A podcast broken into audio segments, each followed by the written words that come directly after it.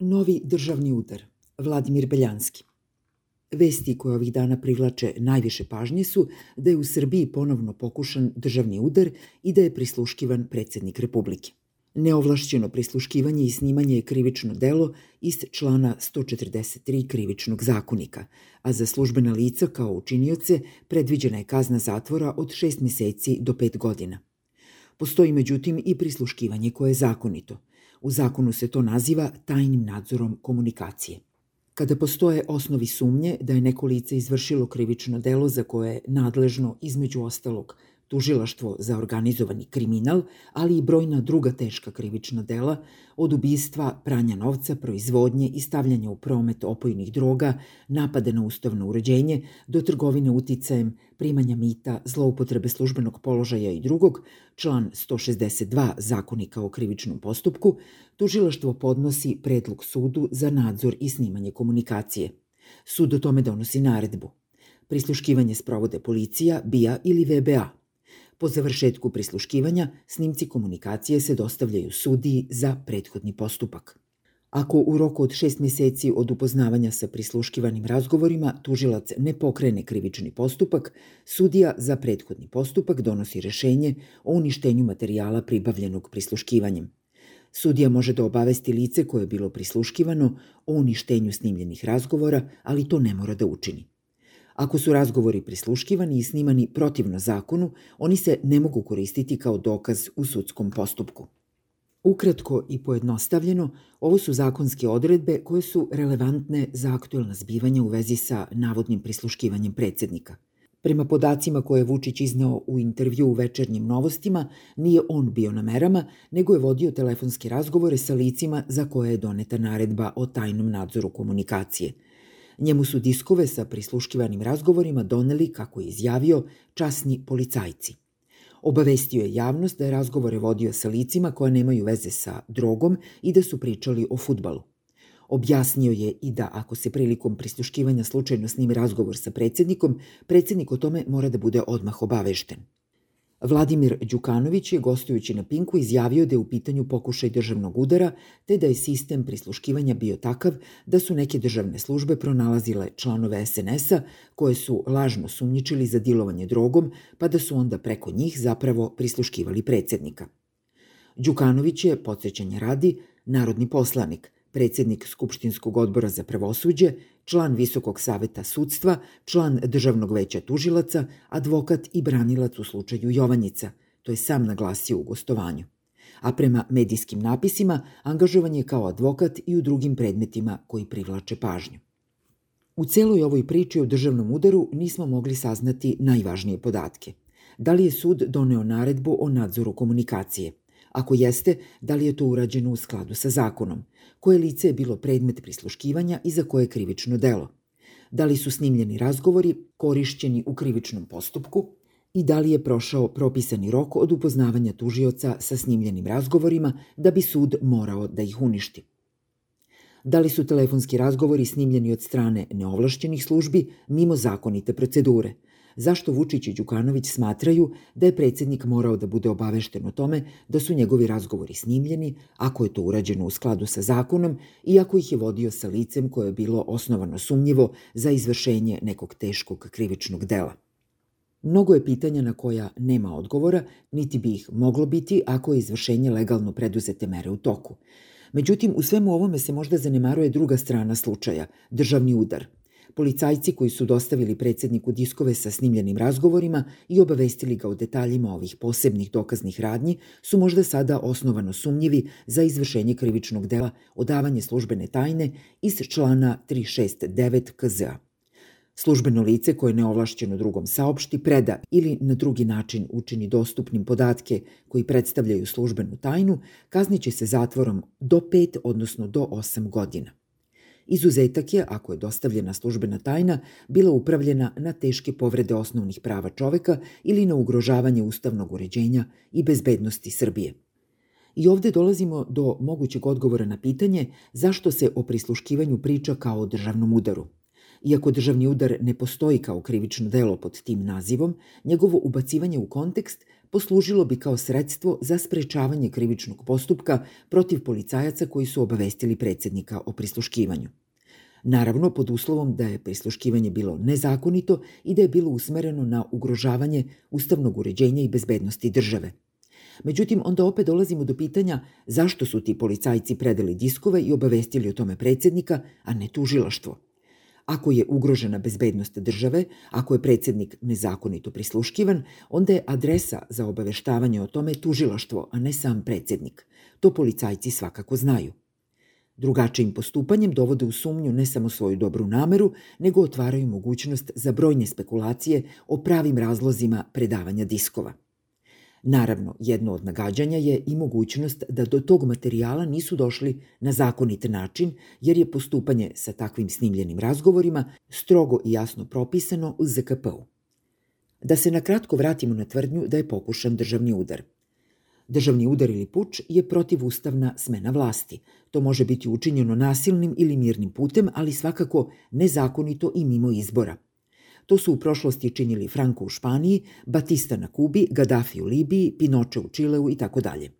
Koji je u Srbiji pre nekoliko dana pokušao da izvrši državni udar i da dođe na vlast.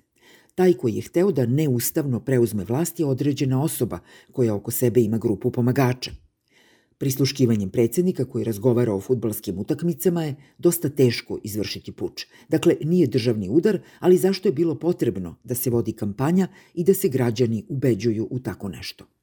Državni udar preveden na krivično pravne termine je krivično delo napada na ustavno uređenje iz člana 308 KZ-a, a može da bude i pozivanje na nasilnu promenu ustavnog uređenja iz člana 309, ubistvo predstavnika najviših državnih organa iz člana 310 i oružana pobuna iz člana 311 KZ-a. Ne verujem da će bilo ko biti optužen za neko od ovih krivičnih dela. Pitanja koja nisu pravna, ali se nameću kao značajna, jesu kako je došlo do toga da predsjednik Srbije bude u kontaktu sa licima za koja postoji osnovana sumnja o izvršenom teškom krivičnom delu i kako predsjednik zna da ta lica nisu i dalje predmet tužilačke i policijske operativne istrage, to jest prikupljanja dokaza. Na osnovu čega tvrdi da ti ljudi nemaju veze sa drogom – Kako to zna Vladimir Đukanović, koji o ovom slučaju govori kao o aktivnostima odmetnutih državnih službi, zanemarujući da on sam učestvuje u najvišim telima koja istovremeno razmatraju pitanja u vezi sa pravosuđem i zakonodavstvom. Dalje, da li nam je predsednik saopštio da on, za razliku od ostalih građana, ne sme da bude ni posredno prisluškivan, čak i ako vodi razgovore sa potencijalnim izvršiocem krivičnog dela – i da li smo zaista čuli da ako su ga već prisluškivali, tada su službe o tome morale odmah da ga obaveste. Predsednik nije izvan važenja zakona, može da bude prisluškivan i ne mora o tome da bude obavešten. Ako postoje odmetnuti delovi službe ko je za to odgovoran, Stefanović kao ministar odbrane, Vulin kao ministar unutrašnjih poslova, Gašić kao direktor BIE. I ko će snositi odgovornost?